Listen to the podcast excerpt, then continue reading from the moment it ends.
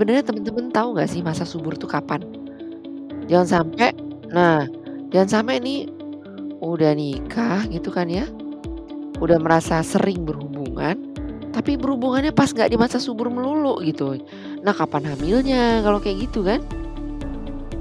Ada faktor yang ada pada kedua gender. Kemudian ada faktor yang uh, perempuan dan laki-laki gitu ya.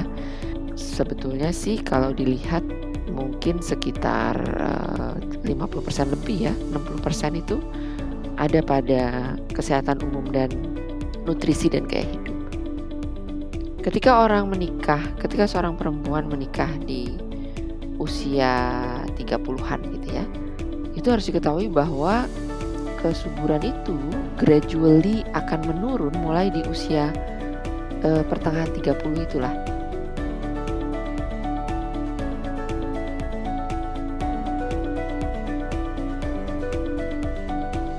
Halo semuanya, selamat datang lagi di podcast Sehat Seutuhnya season yang kedua bersama saya Will Yonas.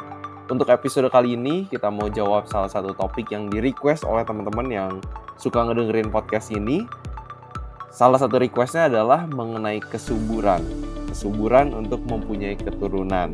Karena kayaknya yang mendengarkan podcast ini mayoritas perempuan ya, mungkin jadi sangat interested mengenai topik ini. Narasumber kita pastinya adalah seorang yang kompeten banget di bidangnya, yaitu seorang dokter spesialis obgyn atau kandungan. Pada saat ini beliau praktek di RS Budi Kemuliaan Jakarta. Uh, beliau juga sebelumnya sudah pernah sharing di podcast Sehat Seutuhnya season yang pertama. Salah satu pod, uh, podcastnya itu berjudul Kesehatan Kita Ternyata Dimulai Dari Rahim Ibu. Buat teman-teman yang mungkin belum pernah dengerin uh, episode itu, bagus banget karena itu salah satu episode yang ternyata paling banyak didengarkan dan paling banyak di-share juga. Jadi boleh dicek lagi episode podcast season yang pertama dan boleh didengarkan. Well, narasumber kita tidak asing lagi yaitu Dr. Dwirani Amelia SPOG. Halo dokter. Halo Willy. Apa kabar Gimana kabarnya? Baik, baik dok. Dokter gimana nih? Baik, baik.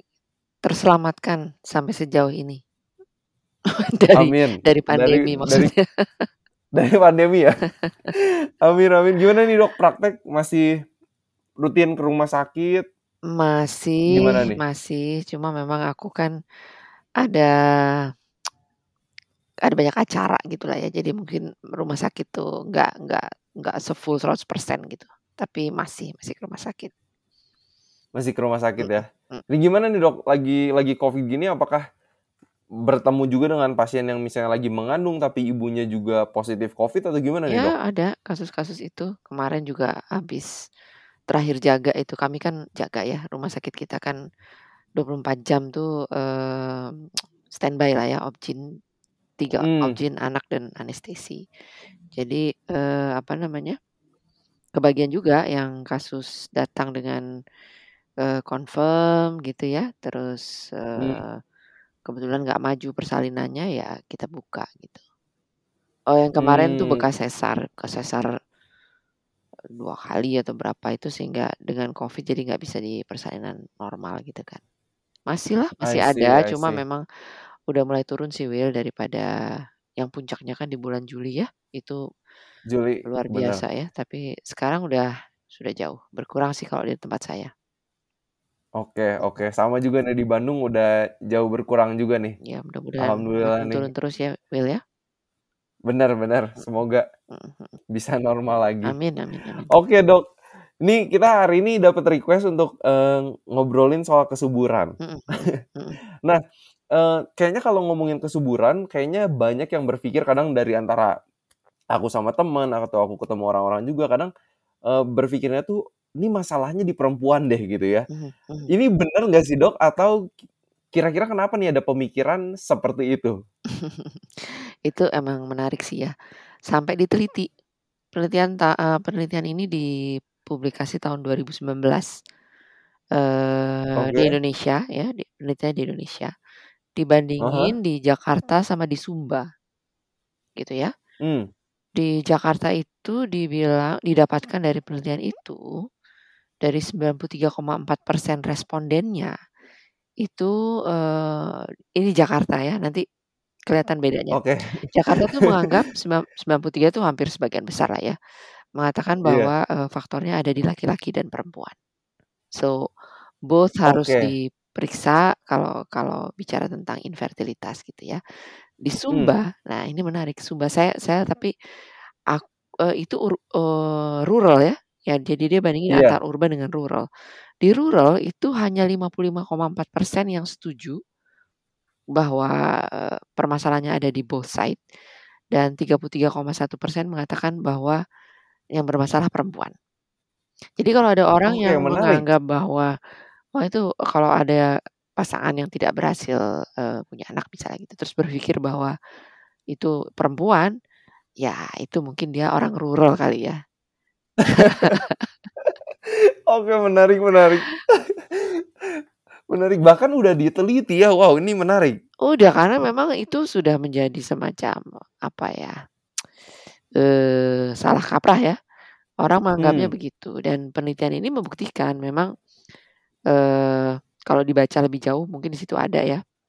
Saya nggak baca sampai selesai juga, tapi, Mmm. eee, pasti ada faktor-faktor yang terkait dengan kondisi urban dan rural itu ya, apakah pendidikan, Mmm. pergaulan gitu ya, Right. eee, access to knowledge kayak gitu-gitu kan ya, yang membuat Mmm. kemudian orang ya berpikirnya seperti itu, gitu. Oke, tapi tapi berarti kalau yang di urban, di kota itu biasanya udah berpikirnya dua-duanya ya? Sudah lebih maju. Both sides ya? Iya, sudah lebih maju. Oke. Jadi jadi kalau ini buat teman-teman yang lagi dengar podcast, kalau misalnya masih punya pemikiran yang, "Oh ini masalahnya di perempuan nih," ternyata udah di-confirm ya, ini di dua-duanya. Nah ini, mmm, pengen jadi tanya nih Dok, kayaknya, eee, apakah sebenarnya faktor yang mempengaruhi kesuburan antara laki-laki dan perempuan itu sama atau beda nih Dok? Oke. Eee, sekarang tadi ya menjawab yang, eee, tadi kan tuduhannya kan perempuan nih kebanyakan gitu kan ya. Betul. Ternyata tuh, eee, sebetulnya kalau dicari penyebabnya, itu equal aja antara laki-laki dan perempuan. Equal Yang ya? ya sepertiga itu faktor perempuan, sepertiga faktor laki-laki, yang sepertiga itu unknown. Nah, di Mmm. unknown ini sering kali, eee, apa namanya, yang ditemukan itu adalah tidak ada masalah di antara keduanya, pada keduanya. Really? Pada keduanya normal semua gitu, but still belum terjadi kehamilan. Nah itu itu sepertiga tuh yang kayak gitu tuh, Will. Jadi, Oh, wow, eee, interesting. mmm, jadi quite eee, sepertiga lumayan dong ya, itu kan, Iya. eee, cukup besar gitu dan itu juga yang menjelaskan ketika mereka break break up gitu ya, terus, eee, menikah Mmm. lagi, terus hamil gitu. Jadi memang, eee, cukup 30% itu unknown sih, dan sisanya itu terbagi 2 antara laki-laki dan perempuan itu, eee, equal penyebabnya. Oke, menarik menarik menarik. Nah kalau kalau dari, eee, mungkin satu-satu kali Dok ya, Mmm. kalau dari sisi perempuan apa, kalau dari sisi laki-laki itu apa aja sih yang bisa mempengaruhi kesuburan? Oke, eee, mungkin, eee, ada faktor yang, eee, ada pada kedua gender. Kemudian Mmm. ada faktor yang, eee, perempuan dan laki-laki gitu ya. Kalau kita Oke. lihat untuk all genders nih, pada dasarnya umur itu pengaruh sih untuk kedua gender. Cuma beda kalau perempuan itu 35 gitu ya, kalau Mmm. laki-laki over 40 itu meningkat dia risiko untuk kesulitan untuk hamilnya. Maksudnya untuk menimbulkan kehamilan ya, karena laki-laki nggak hamil kan ya.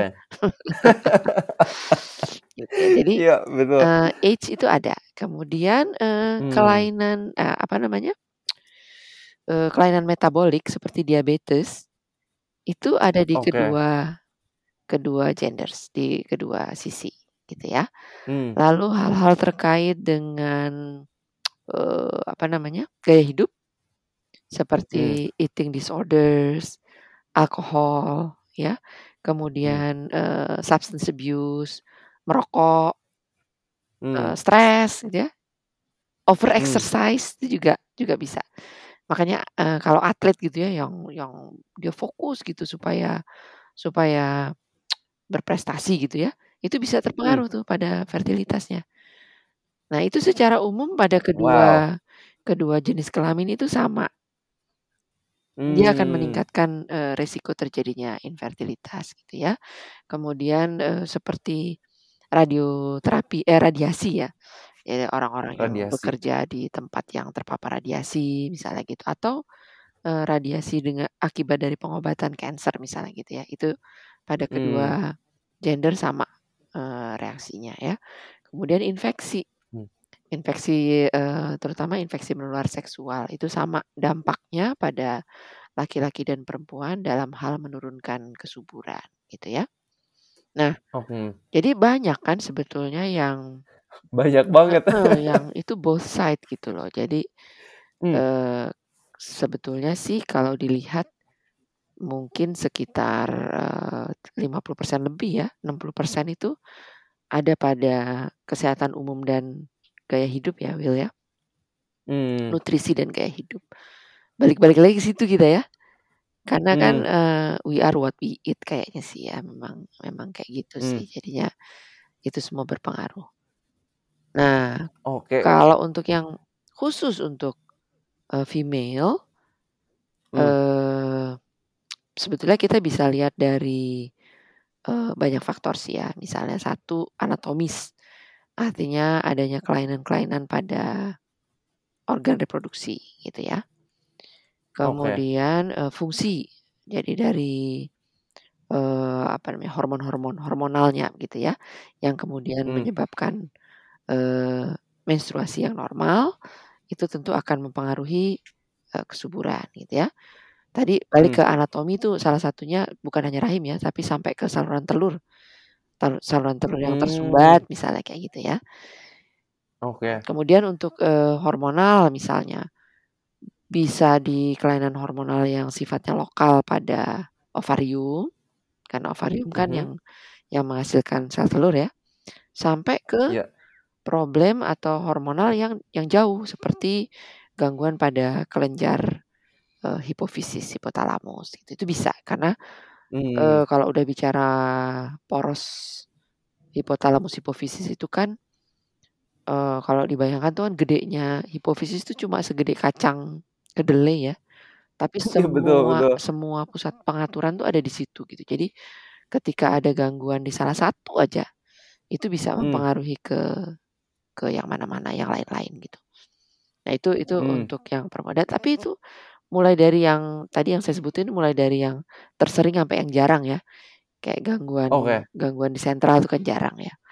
Atau misalnya penyakit-penyakit anemia yang, eee, menaun seperti pada sickle cell anemia gitu ya. Itu juga sesuatu Mmm. yang, eee, bisa me mempengaruhi, berkontribusi terhadap kesuburan perempuan.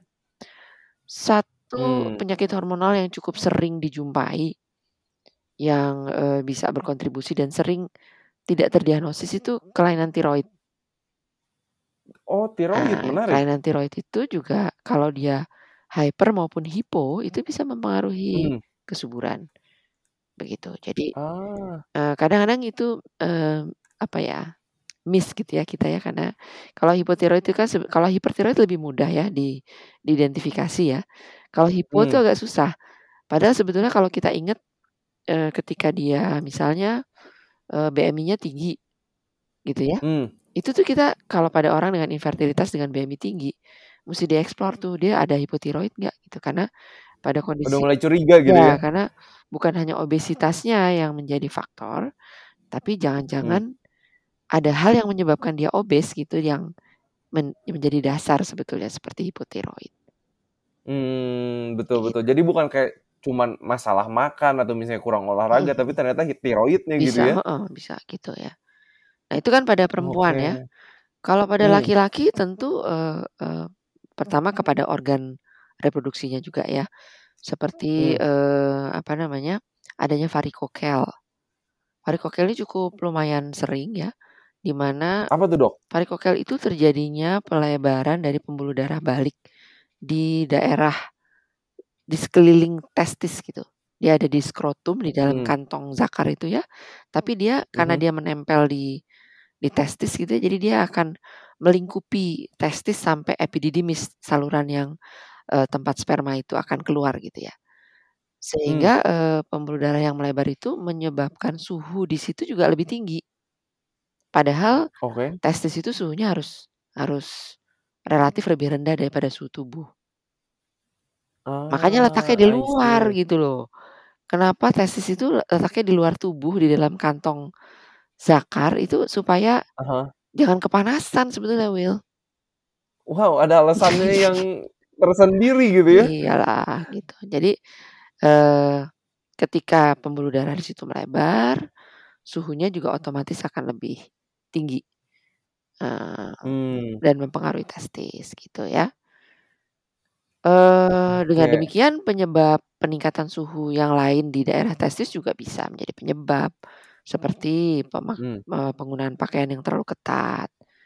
Atau bahkan Mmm. bahkan ada yang menyebutkan kalau terlalu sering pakai hot tubs gitu ya, atau ber Mhm. bermandi sauna itu pada laki-laki itu nggak begitu bagus tuh.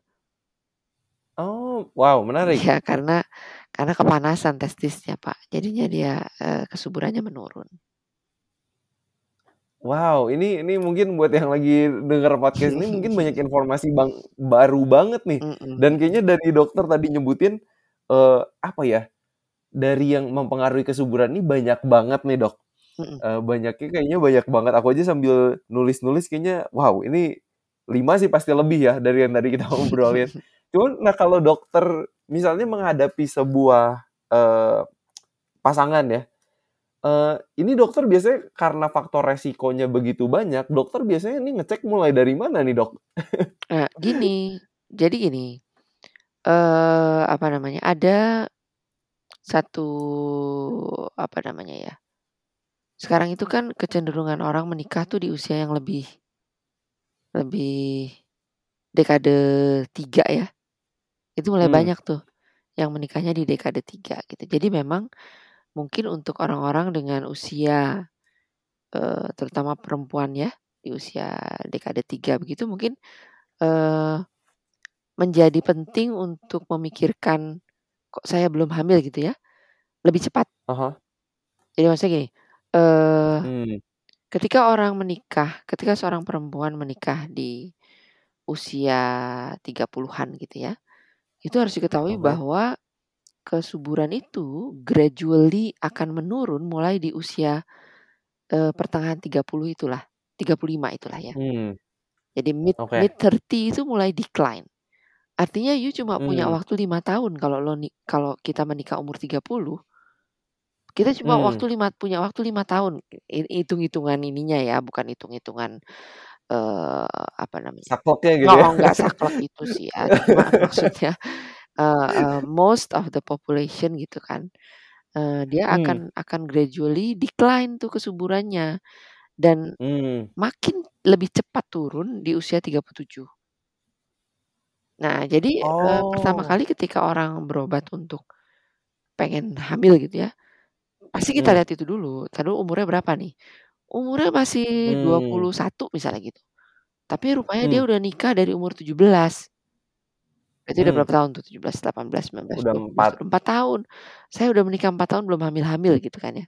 Itu pasti, eee, Mmm. pendekatannya akan beda dengan dengan orang yang, eee, dia baru menikah 1 tahun tapi nikahnya umur 32 gitu. Paham ya?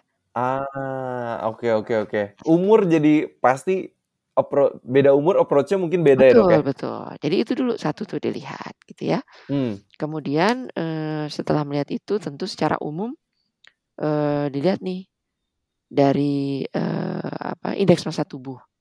Ini nih orang Mmm. model yang overweight, obese, atau atau normal weight gitu ya.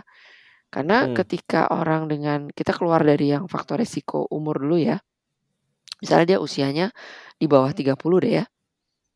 Begitu kita lihat Mmm. dia, eee, overweight atau obese, sebetulnya dengan memperbaiki, eee, indeks massa tubuhnya, itu sudah akan meningkatkan kesuburannya 50%. Wow, jauh banget ya? Mhm. Gitu. Jadi, eee, pasti kalau di luar dari kita kita nggak bicara yang ekstrim umur ya, yang Mmm. usianya masih 30, 20, 30 gitu, pertama kali ya, eee, perbaiki dulu itu gitu.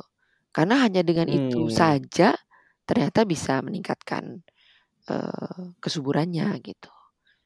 Tuh yang kedua gitu kan ya. Mmm. Yang ketiga balik lagi sih sebetulnya karena kan tadi yang mempengaruhi itu banyak adalah gaya hidup gitu kan ya. Mmm. Kemudian gaya hidup itu termasuk apa namanya, stres gitu kan ya. Jadi Betul. kesibukannya apa aja nih gitu. Kita mau mau procreation ini sebagai satu tujuan atau sebagai sampingan gitu loh. Iya kan? Ah, wow itu good question banget tuh. Heeh, kalau misalnya sampingan ya nggak usah ngomong pengen cepet-cepet hamil dong berarti kan. Mhm. Tapi kalau itu menjadi tujuan ya harus disediakan waktu gitu untuk itu. Dalam arti Mmm. kebugaran, kemudian juga apa namanya, eee eee, kondisi tubuh yang yang prima gitu ya. Kemudian me meninggalkan, eee, kebiasaan-kebiasaan yang akan akan membuat membuat apa namanya, eee eee, kesuburan itu menjadi terganggu gitu kan ya. Stres, Mmm. kemudian tadi indeks massa tubuh, eee, substance abuse seperti alkohol ya. Sekarang mungkin udah mulai Mmm. banyak ya anak-anak sekarang tuh kayak ya terpengaruh sama ya gitu deh ya, alkohol tuh dianggap sebagai sebuah social drinking gitu ya. Mmm, iya iya iya iya. padahal ketika itu adalah sebuah substance yang, eee, sifatnya apa namanya eee, aditif adiktif Adiktif ya, ya? eee, dia Mhm. nggak pernah sadar gitu bahwa pada level apa dia akan menjadi adiksi gitu kan. Nah, Mmm. kemudian menjadi eksesif. Bahkan excessive consumption of coffee itu juga pengaruh loh. Wow, Not to mention interesting ke ke kepada kedua-duanya juga nih? Kedua-duanya kedua-duanya. Gitu. Jadi not to Wow, mention yang oke. paling sering disebut orang ya smoking lah ya, itu sih di di bungkus Mmm. rokoknya juga ada udah ada tulisannya kali. Cuma nggak pernah betul, dibaca. dibaca aja ya? Iya, nggak pernah dibaca aja gitu. Nah itu itu dulu sih Wow. sebetulnya, eee, yang dilihat gitu loh, eee, Will, dan Mmm. ketika kita sudah bersepakat dengan pasangan itu bahwa oke, ini adalah sebuah, eee, tujuan gitu ya, procreation ini adalah sebuah Mmm. tujuan, baru deh tuh masuk ke eee, kita biasanya lihat itunya dulu sih, si eee, apa namanya, kita jelaskan gitu bahwa ada kontribusi laki-laki, ada kontribusi perempuan gitu kan ya. Karena orang Mmm. sering kali, "Yang perempuan dulu deh yang diperiksa," gitu. Nah itu dia, nah mungkin laki-laki enggan ke dokter gitu kan. Mhm, suka suka suka gitu deh, sok jago gitu ya. Karena ngerasa udah bisa ereksi terus udah udah lulus gitu ya, padahal enggak gitu kan ya. Mmm. Dan itu nggak bisa diketahui dari makroskopik atau dari visual saja gitu. Mmm. Jadi, eee, bagusnya barengan atau satu-satu? Ya yang paling bagus mah barengan. Barengan. Ke dokter objin juga bagusnya barengan ya, Dok, ya? Ya artinya memulai memulai eksplorasi itu bersama-sama gitu loh. Bukan Mmm. bukan yang perempuannya dulu diperiksa, nanti kalau udah selesai dia periksa baru laki-lakinya, jangan. Mmm. Start-nya bareng gitu, Ini perempuannya diperiksa, laki-lakinya juga diperiksa gitu. Oke, wow itu ini teman-teman yang lagi denger podcast catet tuh, kayaknya ini ini poin penting banget ya. sering loh pasien aku datang sendirian, "Suaminya mana, Bu?" "Belum mau, Dok." "Ya Ibu mah susah, suami aja belum mau bagaimana?" Gitu. Mmm, wow. Itu menghambat sih sebetulnya dalam proses, eee, pengobatan. Mmm, oke. Wow, itu itu itu poin menarik banget. Mhm Jadi ini laki-laki, eee, suami-suami, eee, datang ke dokter bareng-bareng ya, Mhm mhm. periksa bareng-bareng, eee, apa ya, mungkin mulai journey ini tuh bareng-bareng ya. mhm, betul betul. Journey-nya bareng-bareng, oke. Nah, Dok, tadi dokter sempet, eee, mention, eee, soal overweight, eee, obesitas gitu ya. Mhm. Eee, tapi beberapa ada di eee, yang suka nanya pertanyaan ke kita di Instagram, ini gimana nih kalau yang kira-kira underweight? Mmm. Apakah kalau seorang yang underweight, eee, mau laki-laki atau perempuan, mungkin terutama perempuan ya karena, eee, yang akan mengandung gitu ya, Mhm mhm. ini efeknya gimana sih, Dok, kalau underweight? Iya ada juga sih efeknya, terutama yang severely underweight. Oke. Severely underweight itu, eee, pastilah, eee, tubuh itu memiliki e semua yang terjadi di tubuh kita itu kan, eee, interconnected gitu ya. Mmm. Jadi sebetulnya kurusnya kita itu lebih sebagai akibat dari sebuah proses yang kompleks yang ada di dalam tubuh kita gitu kan ya. Dan itu harus Mmm. dicari sebetulnya, eee, kenapa gitu kan. Kalau, Mmm. eee, sampai di sampai dibuktikan bahwa tidak ada hal, eee, yang yang patologis secara organik gitu. Mmm. Ya pertama kali pasti intake lah yang dilihat ya, kemudian, eee, intake dan Betul. output gitu kan ya. Jangan sampai nih Mmm. orang ada infeksi kronik gitu ya, makannya banyak tapi TBC. Ya pasti akan Mmm. akan nampak sebagai underweight gitu dan apakah itu Betul. mempengaruhi kesuburan? Iyalah, baik secara Mmm. direct maupun indirect. Direct-nya itu seperti apa ya, bisa saja ovariumnya juga terinfeksi TB misalnya gitu kan ya, itu berarti direct. Mmm. Eee, indirect-nya ya secara secara umum metabolismenya menjadi, eee, apa ya, terganggu gitu kan ya. Karena karena harus melawan si chronic infection ini gitu, sehingga yang Betul. yang lain-lain itu menjadi menjadi secondary, menjadi tidak tidak tidak tidak optimal, termasuk dalam hal ini tentu Mmm. indung telur, eee, kemudian, eee, rahim dan seterusnya gitu. Jadi, eee, koneksinya Oke. seperti itu. Nah kalau yang kayak severely underweight mungkin BMI berapa tuh Dok, 15, Di 17? bawah di bawah 17 ya, kalau nggak Di salah bawah ya. 17 ya? Mhm. Gitu. Nah kalau kayak gitu biasa dokter pernah nggak tuh Dok ketemu, eee, pasien yang misalnya underweight terus, eee, dan dokter harus apa ya, mungkin naikin berat badannya dulu gitu? Biasanya kita sih konsul ke gizi ya, maksudnya setelah Mmm. awal kan pasti akan ada pemeriksaan umum ya, termasuk laboratory check up ya. Dari situ kan Mmm. kita bisa bisa duga ya, oh ini kayaknya ada gambaran infeksi. Ya udah kita konsul Mmm. ke ke penyakit dalam lah ya untuk di-explore atau misalnya Mmm. Heeh, misalnya, eee, oh ini kayaknya semuanya lab-nya sih oke, tapi termasuk misalnya, eee, kadar tiroid gitu ya. Karena orang yang, Mmm. eee, underweight itu juga bisa karena hipertiroid kan? Betul Itu betul. sebetulnya termasuk salah satu, eee, apa namanya, eee, apa namanya, protokol pemeriksaannya sih. Oke. Gitu, jadi kita bisa Oke. sejak awal bisa antisipasi. Mmm. Nah Jadi kalau ini kalau misalnya masalahnya input ya, atau apa namanya, tidak ada masalah organik ya kita konsulkan ke gizi. Betul Ya, betul. heeh. Makan lebih banyak gitu ya? Iya, heeh, jenisnya barangkali ya yang lebih di anu kan, Jenisnya. gitu. Bener bener bener. Oke oke. Menarik karena karena kemarin ada beberapa juga yang sempat ngontak gitu, ini ini saya underweight gimana? Karena kan Mhm mhm. kadang yang lebih sering dibahas nih overweight gitu Mmm. kan atau Mhm obesitas. mhm. Eee, cukup menarik sih, cukup menarik.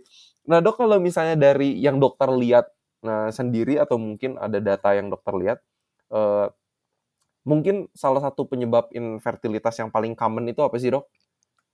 Kalau bisa di-pinpoint ya, kalau bisa ya. Oh, pada perempuan ya? Mhm. Misalnya pada perempuan nih. Pada perempuan itu yang paling sering yang paling sering menjadi penyebab gitu ya, itu memang Mhm. adanya gangguan ovulasi. Kita tahu kan Mmm. kalau telur pada perempuan itu dikeluarkan cuma sekali dalam sebulan loh.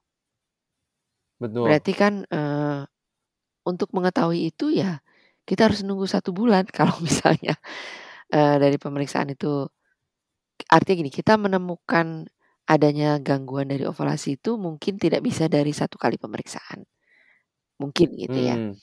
Tapi kalau misalnya nih orang dengan menstruasi yang tidak reguler, itu memang pemikiran pertama kita adalah jangan-jangan ada gangguan ovulasi, gitu. Ah, I Nah pada laki-laki, yang paling sering menjadi penyebab memang adalah kualitas dari semen yang, eee, yang yang jelek.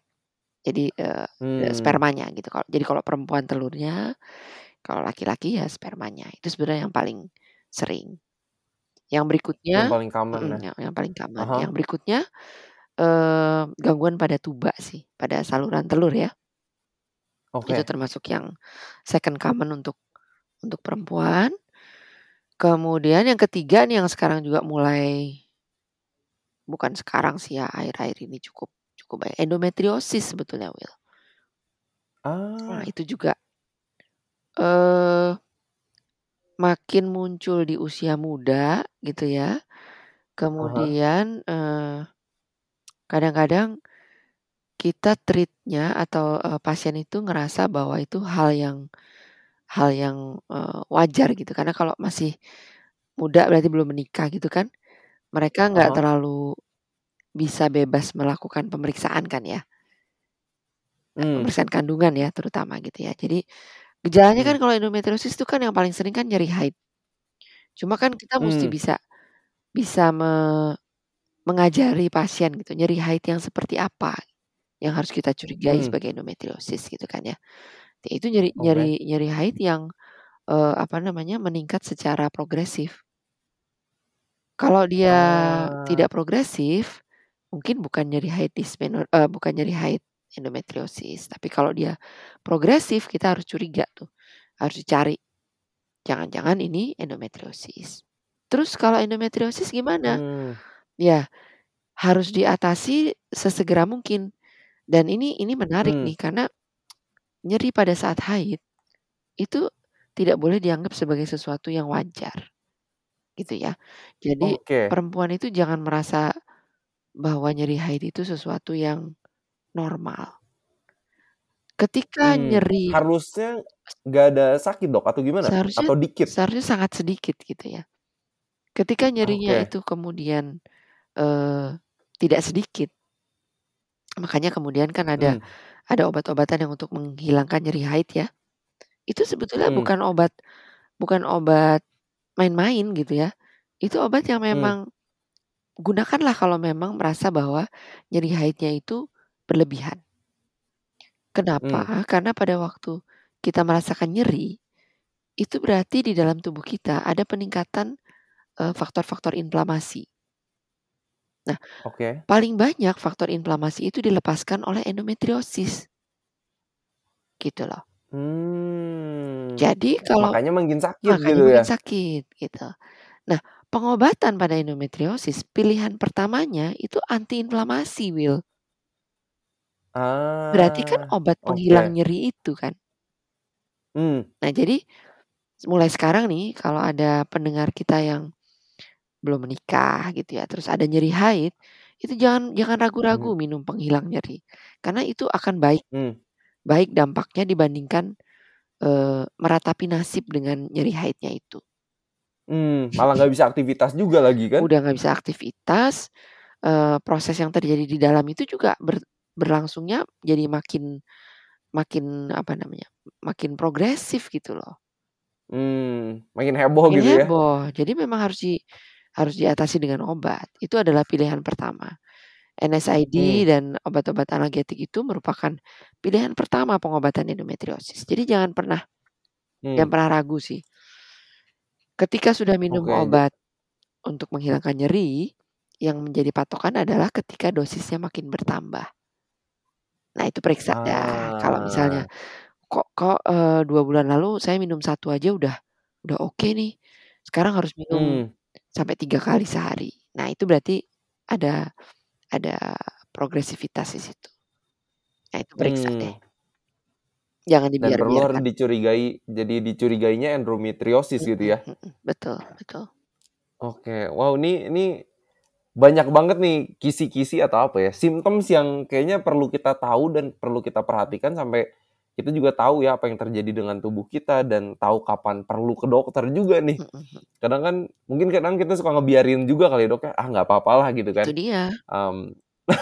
Mhm. Aduh, bener bener. Apalagi, eee, ya kadang suka mengabaikan inilah ya, gejala dalam tubuh sendiri gitu. Betul betul.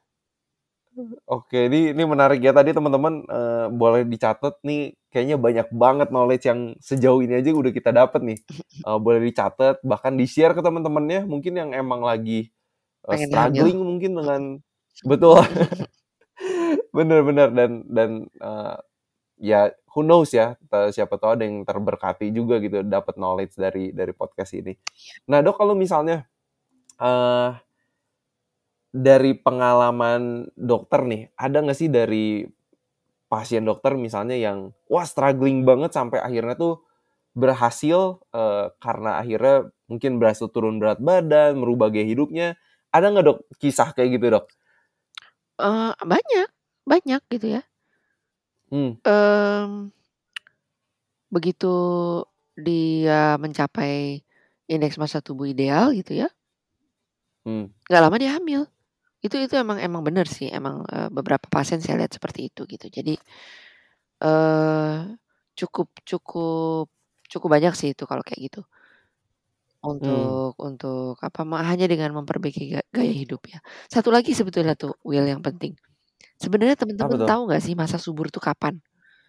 Jangan sampai Nah ini. nah, jangan sampai nih udah nikah gitu kan ya, udah Mmm. merasa sering berhubungan, tapi berhubungannya pas nggak di masa subur melulu gitu. Nah kapan hamilnya kalau Mmm. kayak gitu kan? Betul. Nah itu juga juga hal yang yang perlu dipahami gitu. Jadi eee, gini, ada beberapa istilah yang harus teman-teman pahami, kalau untuk yang perempuan ya. Mmm. Dalam, eee, menstruasi itu ada yang disebut dengan siklus menstruasi. Mmm. siklus menstruasi itu, eee, kalau ditanya siklus menstruasi orang-orang tuh kadang jawabnya, eee, 7 hari gitu. Nah itu salah Ah karena siklus menstruasi itu adalah, eee, lamanya hari dari hari pertama kita mens, ke hari pertama kita mens lagi di bulan depan. Ah, oke jadi full cycle ya harusnya Mhm ya? mhm. Dan itu perlu diketahui juga bahwa itu Api nikahnya umur 32 gitu, paham ya? Betul betul. Jadi itu dulu satu tuh dilihat gitu ya. Kemudian, setelah melihat itu tentu secara umum, dilihat nih dari, apa, indeks massa tubuh. Ini nih orang model yang overweight, obese, atau atau normal weight gitu ya. Karena ketika orang dengan kita keluar dari yang faktor resiko umur dulu ya. Misalnya dia usianya di bawah 30 deh ya. Begitu kita lihat dia, eee, overweight atau obese, sebetulnya dengan memperbaiki, eee, indeks massa tubuhnya, itu sudah akan meningkatkan kesuburannya 50%. Wow, besar banget loh Dok itu. Mhm. Gitu. Jadi, eee, pasti kalau di luar dari kita kita nggak bicara yang ekstrim umur ya, yang us usianya masih 30, 20, 30 gitu, pertama kali ya, eee, perbaiki dulu itu gitu. Karena hanya dengan itu saja ternyata bisa meningkatkan, eee, kesuburannya gitu. Itu Mmm. yang kedua gitu kan ya. Yang ketiga balik lagi sih sebetulnya, karena kan tadi yang mempengaruhi itu banyak adalah gaya hidup gitu kan ya. Kemudian gaya hidup itu termasuk apa namanya, stres gitu kan ya. Jadi kesibukannya apa aja nih gitu. Kita mau mau procreation ini sebagai satu tujuan atau sebagai sampingan gitu loh. Mmm. Iya kan? Kalau misalnya sampingan, ya nggak usah ngomong pengen cepet-cepet hamil dong berarti kan. Tapi kalau itu menjadi tujuan ya harus disediakan waktu gitu untuk itu. Dalam arti kebugaran, kemudian juga apa namanya, eee eee, kondisi tubuh yang yang prima gitu ya. Kemudian Mmm. meninggalkan, eee, kebiasaan-kebiasaan yang akan akan membuat membuat apa namanya, eee eee, kesuburan itu menjadi terganggu gitu kan ya. Stres, kemudian tadi indeks massa tubuh, eee, substance abuse seperti alkohol ya. Sekarang mungkin udah mulai banyak ya anak-anak sekarang tuh kayak ya terpengaruh sama ya gitu deh ya, alkohol tuh dianggap sebagai sebuah social drinking gitu ya. Eee, padahal ketika itu adalah sebuah substance yang, eee, sifatnya apa namanya eee, aditif adiktif ya, eee, dia nggak pernah sadar gitu bahwa pada level apa dia akan menjadi adiksi gitu kan. Nah, kemudian menjadi eksesif. Bahkan excessive consumption of coffee itu juga pengaruh loh. Oh ya? Not to mention kepada kesuburan. Kedua-duanya kedua-duanya. Gitu. Jadi not to mention yang paling sering disebut orang ya smoking lah ya, itu sih di bungkus rokoknya juga ada udah ada tulisannya kali. Cuma nggak pernah dibaca. Iya, nggak pernah dibaca aja gitu. Nah itu itu dulu sih sebetulnya, eee, yang dilihat gitu loh. eee, will dan ketika kita sudah bersepakat dengan pasangan itu bahwa oke, ini adalah sebuah, tujuan gitu ya, procreation ini adalah sebuah tujuan, baru deh tuh masuk ke, kita biasanya lihat itunya dulu sih, si apa namanya, kita jelaskan gitu bahwa ada kontribusi laki-laki, ada kontribusi perempuan gitu kan ya. Karena orang Mmm. sering kali, "Yang perempuan dulu deh yang diperiksa," gitu. Padahal nah, suka suka suka gitu deh, sok jago gitu ya. Karena ngerasa udah bisa ereksi terus udah udah lulus gitu ya, padahal enggak gitu kan ya. Dan itu nggak bisa diketahui dari makroskopik atau dari visual saja gitu. Jadi, eee, bagusnya barengan atau satu-satu? Ya yang paling bagus mah barengan. Ya artinya memulai memulai eksplorasi itu bersama-sama gitu loh.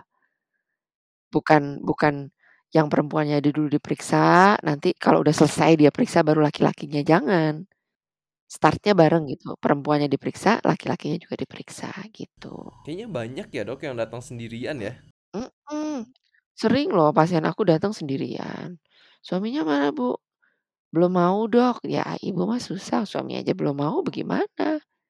Gitu. Itu menghambat sih sebetulnya dalam proses, eee, pengobatan. Oke, itu menarik banget apa yang dibagiin Dokter Dwirani. Banyak banget aspek-aspek yang ternyata harus kita perhatikan dari gaya hidup sehat. Dan Dok, pengen nanya nih, kebetulan beberapa pendengar podcast Sehat Seutuhnya sempat ngirim message ke saya dan nanya uh, mereka ini nggak bergumul atau struggle sama overweight atau obesitas, tapi sama underweight. Nah, kalau orang-orang yang underweight ini ada pengaruhnya nggak sih dok ke kepada kesuburan dan juga kepada pengalaman kehamilan gitu dok? Iya ada juga sih efeknya, terutama yang severely underweight.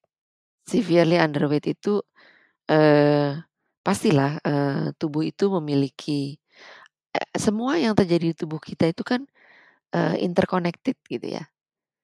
Jadi sebetulnya kurusnya kita itu lebih sebagai akibat dari sebuah proses yang kompleks yang ada di dalam tubuh kita gitu kan ya. Dan itu harus dicari sebetulnya, eee, kenapa gitu kan. Kalau, eee, sampai di sampai dibuktikan bahwa tidak ada hal, eee, yang yang patologis secara organik gitu. Ya pertama kali pasti intake lah yang dilihat ya, kemudian, eee, intake dan output gitu kan ya. Jangan sampai nih orang ada infeksi kronik gitu ya, makannya banyak tapi TBC, ya pasti akan akan nampak sebagai underweight gitu dan apakah itu mempengaruhi kesuburan? Iyalah, baik secara direct maupun indirect. Direct itu seperti apa ya, bisa saja ovariumnya juga terinfeksi TB misalnya gitu kan ya, itu berarti direct.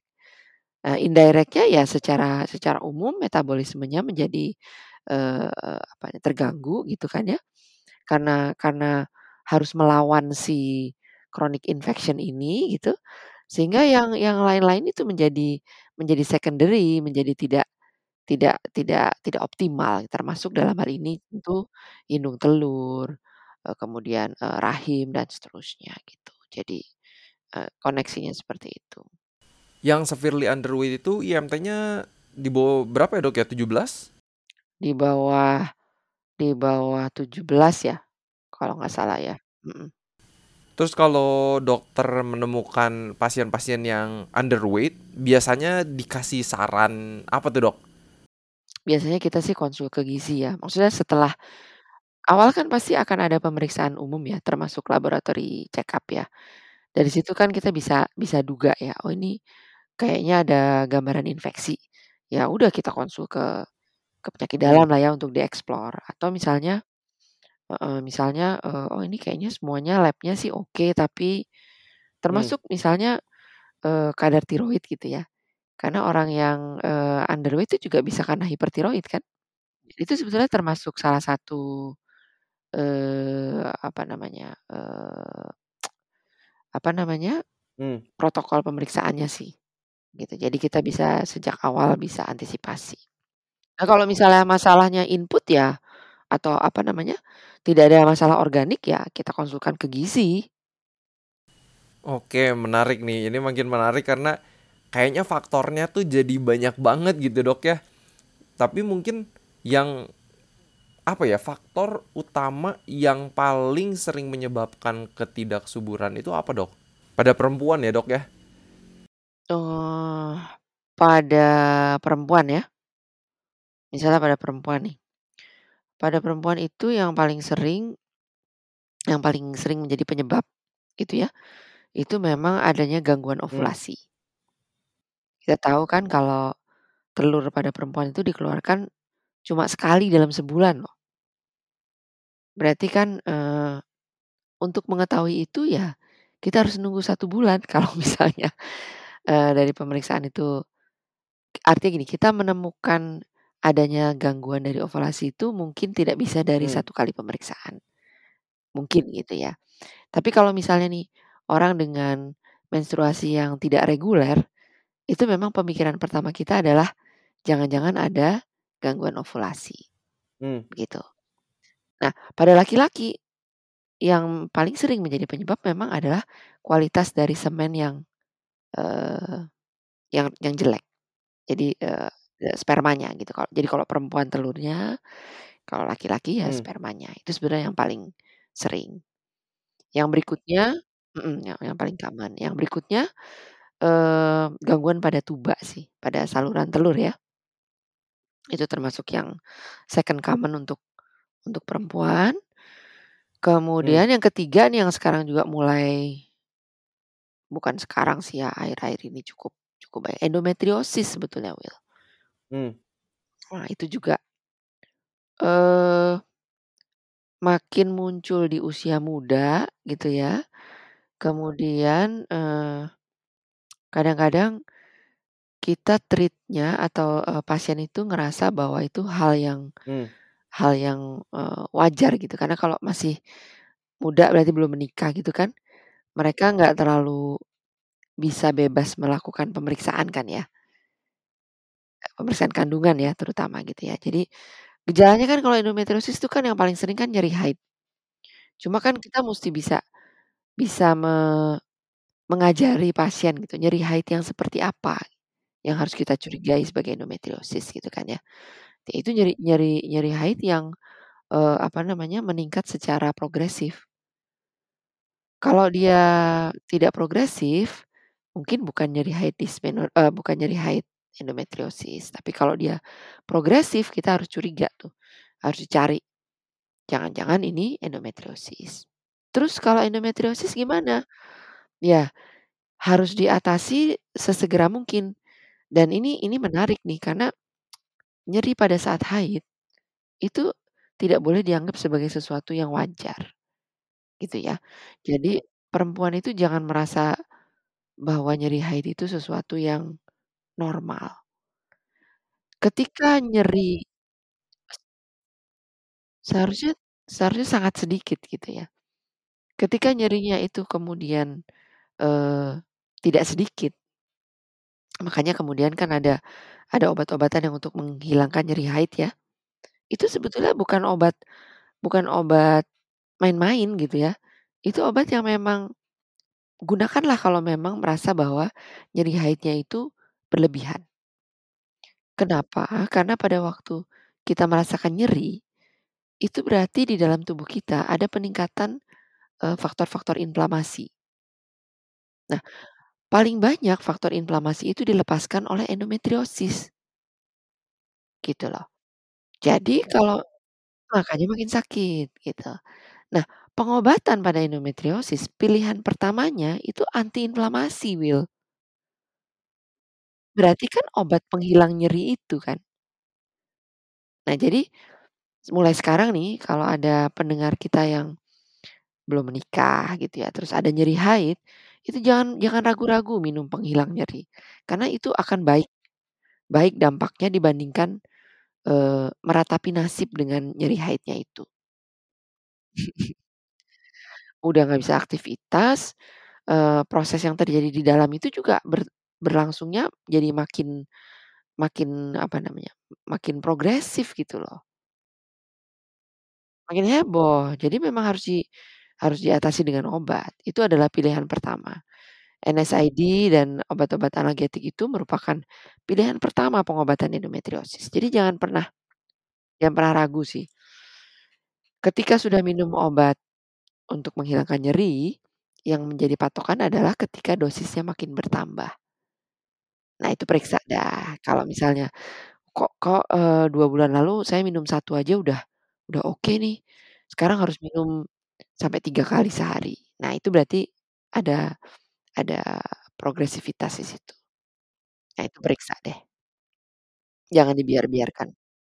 Ini jadi kayaknya buat temen-temen yang lagi pengen atau memikirkan untuk procreation ini mem memiliki keturunan dan kalau misalnya ada gejala-gejala ini yang tadi dokter udah sampaikan dan memang struggle selama ini untuk punya keturunan, punya anak, kayaknya penting banget untuk cek ya seperti yang dokter bilang.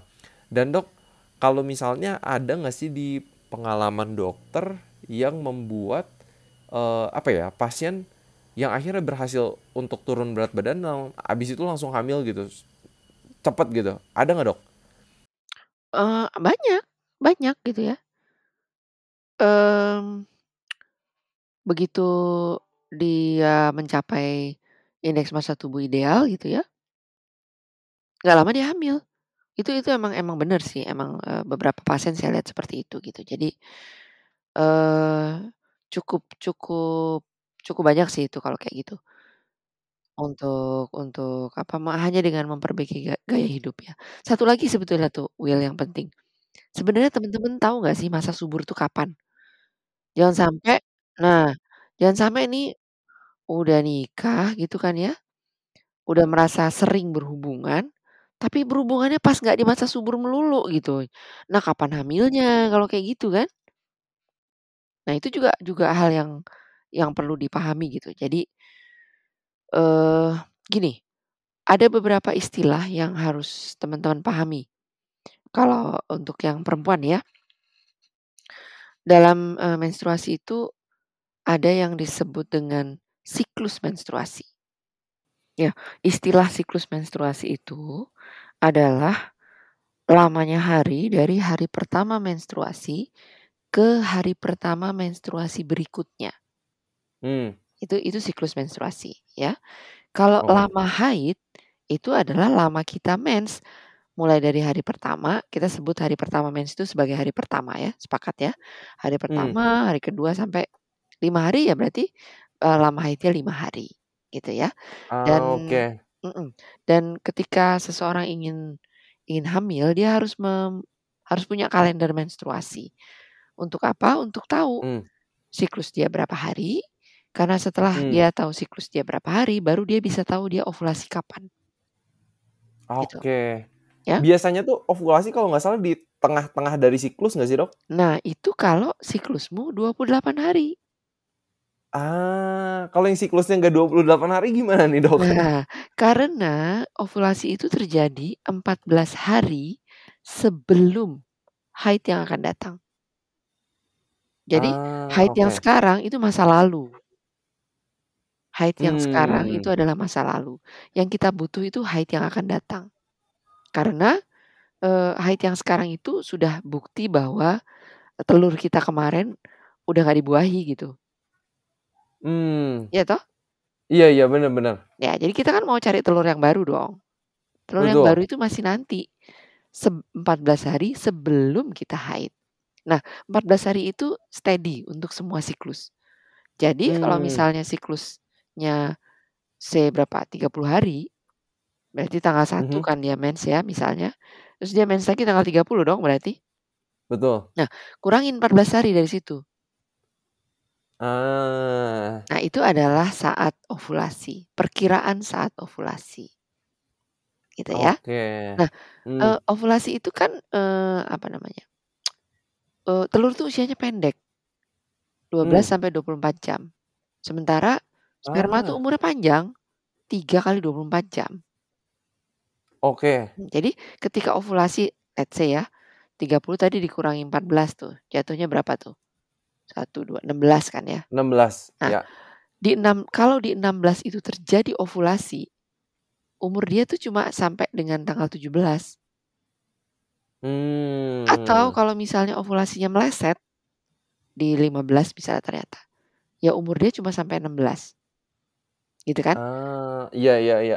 Nah, eee meskipun kita punya perkiraan 14 hari, tapi kan nggak pasti 14 hari. Ya kan? Nah, maka kita kasih spare lah ya, 3 hari Mmm. sebelum dan 3 hari sesudah. Dapat seminggu kan? Mmm. Nah, pada waktu seminggu itu, eee, ketika pasangan suami istri melakukan hubungan seksual, 2 hari sekali aja, nggak usah tiap hari. Mmm. Eee, itu kemungkinan untuk hamilnya akan paling besar di situ. Oke, jadi Gitu. jadi memang timing juga penting banget gitu ya? Mhm. Oke oke. Wow, ini buat teman-teman yang emang udah lagi berencana hamil, penting banget ya untuk take notes dan bukan take notes aja kali Dok ya, dipraktekin ya? Mhm. Sekarang kan banyak apps yang untuk, eee, kalender menstruasi, Will. Mmm. Download aja, nanti dari situ kan kalau misalnya kita haidnya nggak teratur, masukin aja hari pertama, entar kapan lagi hari pertama gitu kan. Nanti Mmm. dia akan meng-calculate average, eee, siklus kita berapa gitu. Nanti dari situ bisa diperkirakan, eee, ovulasinya. Tapi kalau misalnya kan ada yang siklusnya panjang ya, 45 Mmm. hari gitu. Kadang tuh 2 bulan baru mens, tapi setiap setiap setiap setiap 2 bulan pasti mens. Ada yang kayak gitu tuh. Nah, Ah. ada cara ada cara lain yang untuk kita mengetahui kapan kita ovulasi itu dengan mengukur suhu basal. Mmm. Jadi kalau kita udah hitung nih, oke deh nih siklus saya sekian, 14 harinya di tanggal ini gitu ya. Nah, 2, Mmm. 3 hari sebelum itu udah mulai tuh tiap bangun tidur ukur tem dulu. Gitu ya. Langsung ya? Mhm. Itu Oke. itu namanya suhu basal. Mmm. Nah hari di mana seseorang paling subur, itu Ah adalah hah. 2, 3 hari sebelum adanya kenaikan suhu. Kenaikannya itu cuma 0,5 sampai 1 derajat. Ah, oke. agak-agak Jadi susah sih ya. tapi nggak demam gimana kan Bukan ya? bukan bukan demam. Bukan demam gitu ya.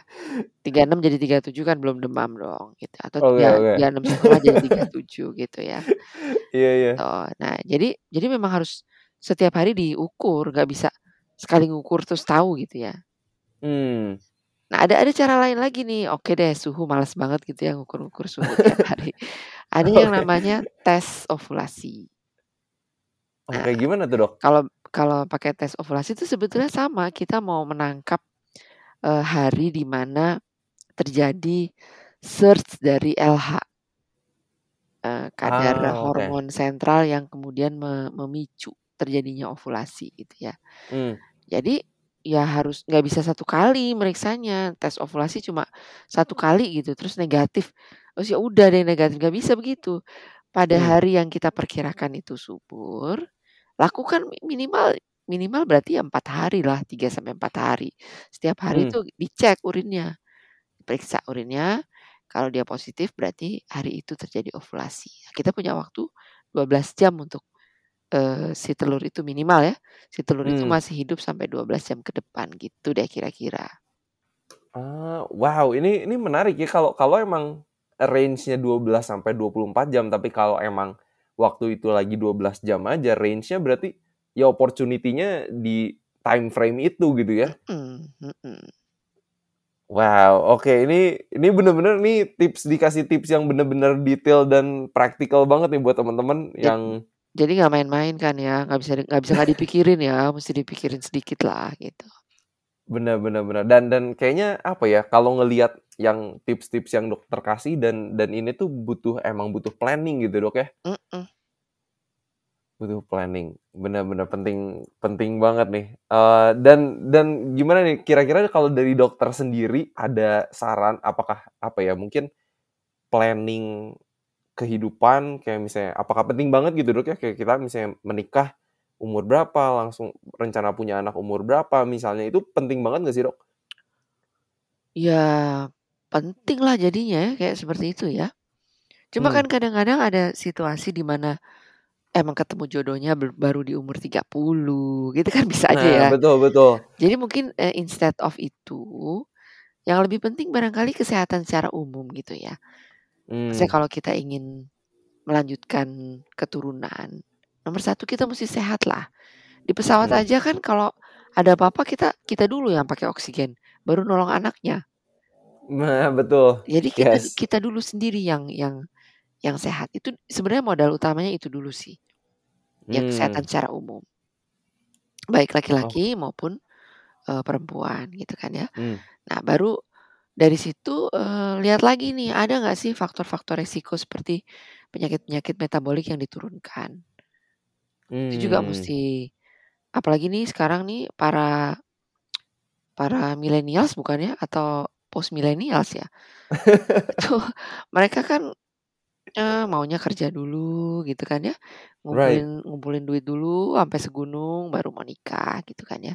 Mmm. Nah sementara ya tadi, faktanya adalah kesehatan kita gitu ya, itu pengaruh.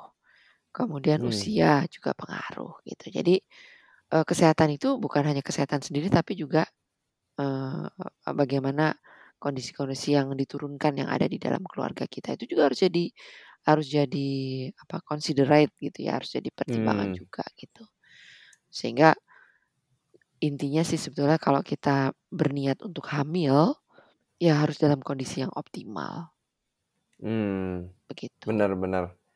Wow, ini tips yang bagus banget buat teman-teman dan Dok mungkin, eee, ini mewakili banyak dan mungkin ini juga salah satu pertanyaan yang dokter apa ya, suggest ya, Mhm. penting untuk dibahas juga adalah ini kan lagi pandemi gitu ya. Mhm mhm. Ini apakah saatnya yang baik untuk promil atau program hamil atau mendingan ditunda nih Dok? Kira-kira gimana Dok pandangan dari dokter?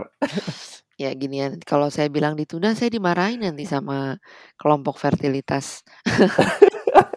Endokrin dan fertilitas. Mmm, intinya yang harus dipahami itu adalah kondisi kehamilan itu kan kalau kita mencoba hamil kan ta pasti yang diharapkan kan hamil ya. Mmm.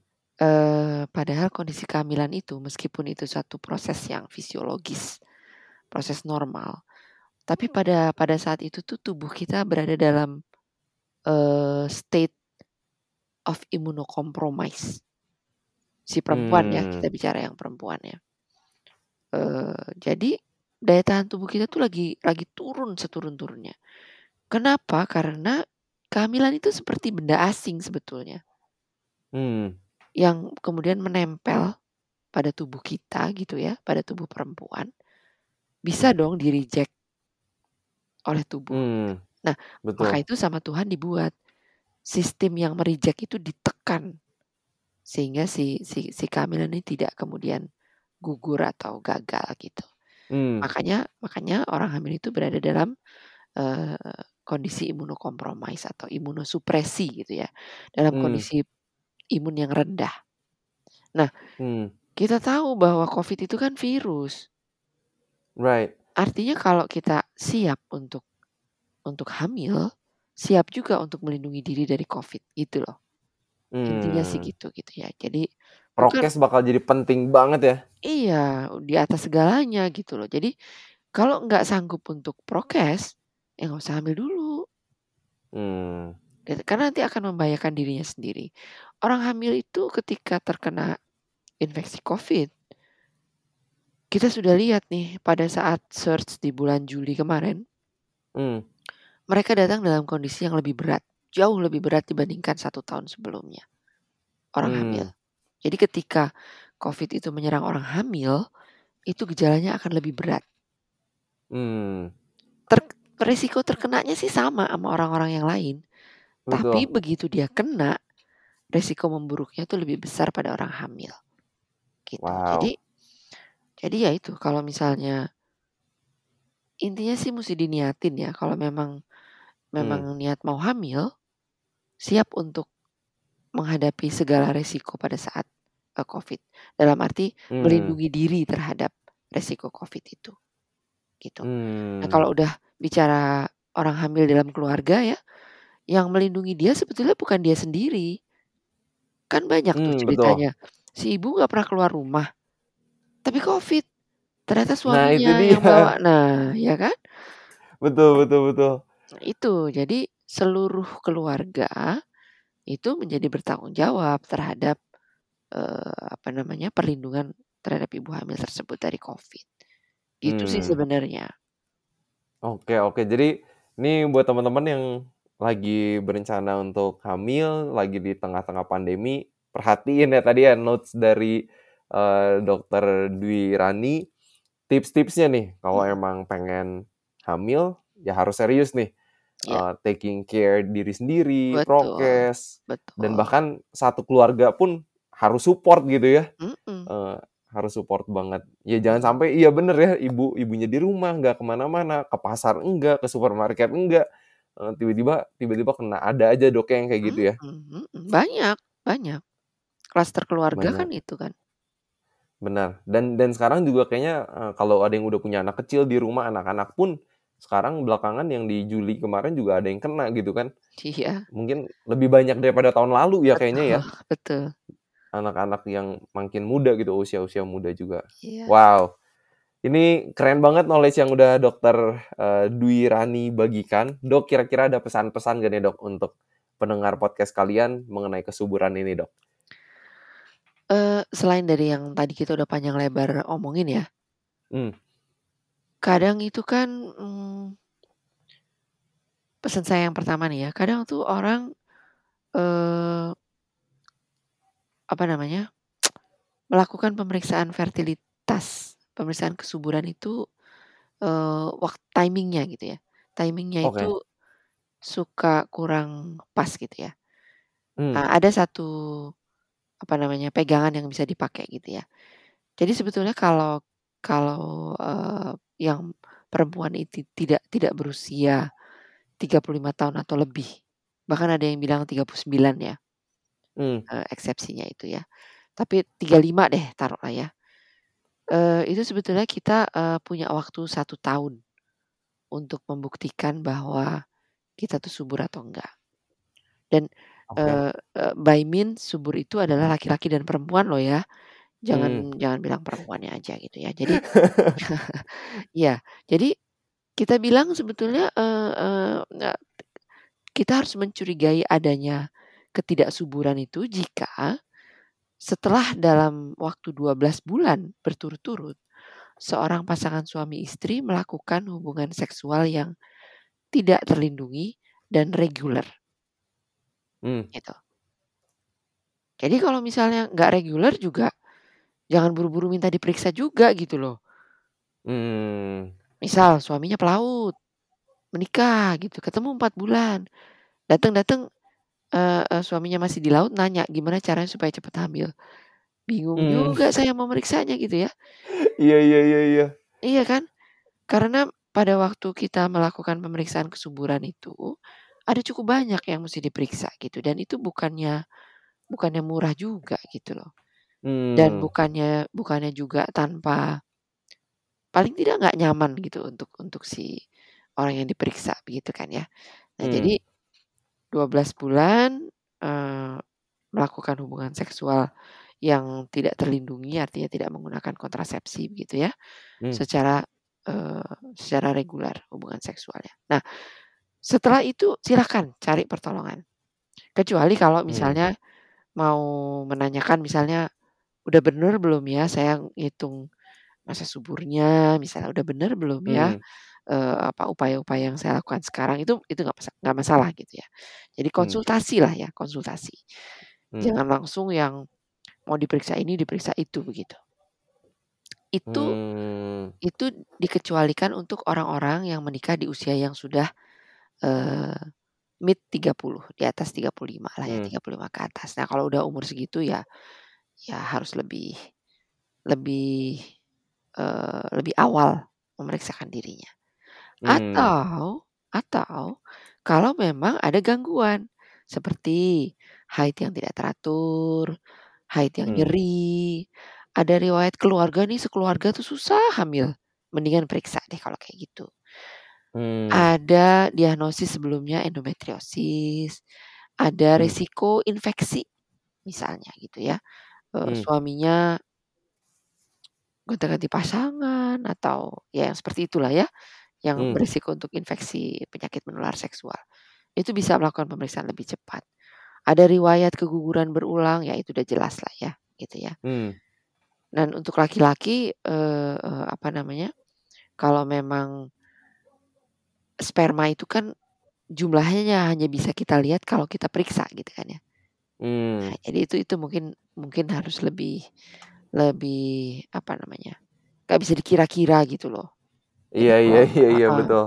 Jadi itu yang yang mungkin justru justru kalau pada laki-laki itu tanda-tanda klinisnya tuh nggak terlalu nyata ya kecuali memang dia misalnya uh, ada kelainan di testis itu kan itu kan Hmm. uh, apa namanya bisa kelihatan ya. Tapi yang Hmm. yang lebih ini adalah kalau mau tahu spermanya bagus apa enggak ya satu-satunya cara diperiksa. Hmm. Gitu. Jadi uh, itu kemudian yang kedua kalau mau periksa pengen cepat hamil, jangan sekali-kali single fighter. Hmm. Berdua lah gitu ya. Jadi dari awal jangan buang-buang waktu begitu kan ya. Ada kasus juga yang sering saya temukan sudah istrinya bolak-balik diperiksa di USG bolak-balik. Karena kan kalau Hmm. kita mau periksa ovulasi kadang-kadang kita harus USG dua hari sekali. Hari ini Oh, belum see I ketemu see. belum ketemu ovumnya gitu kan ya.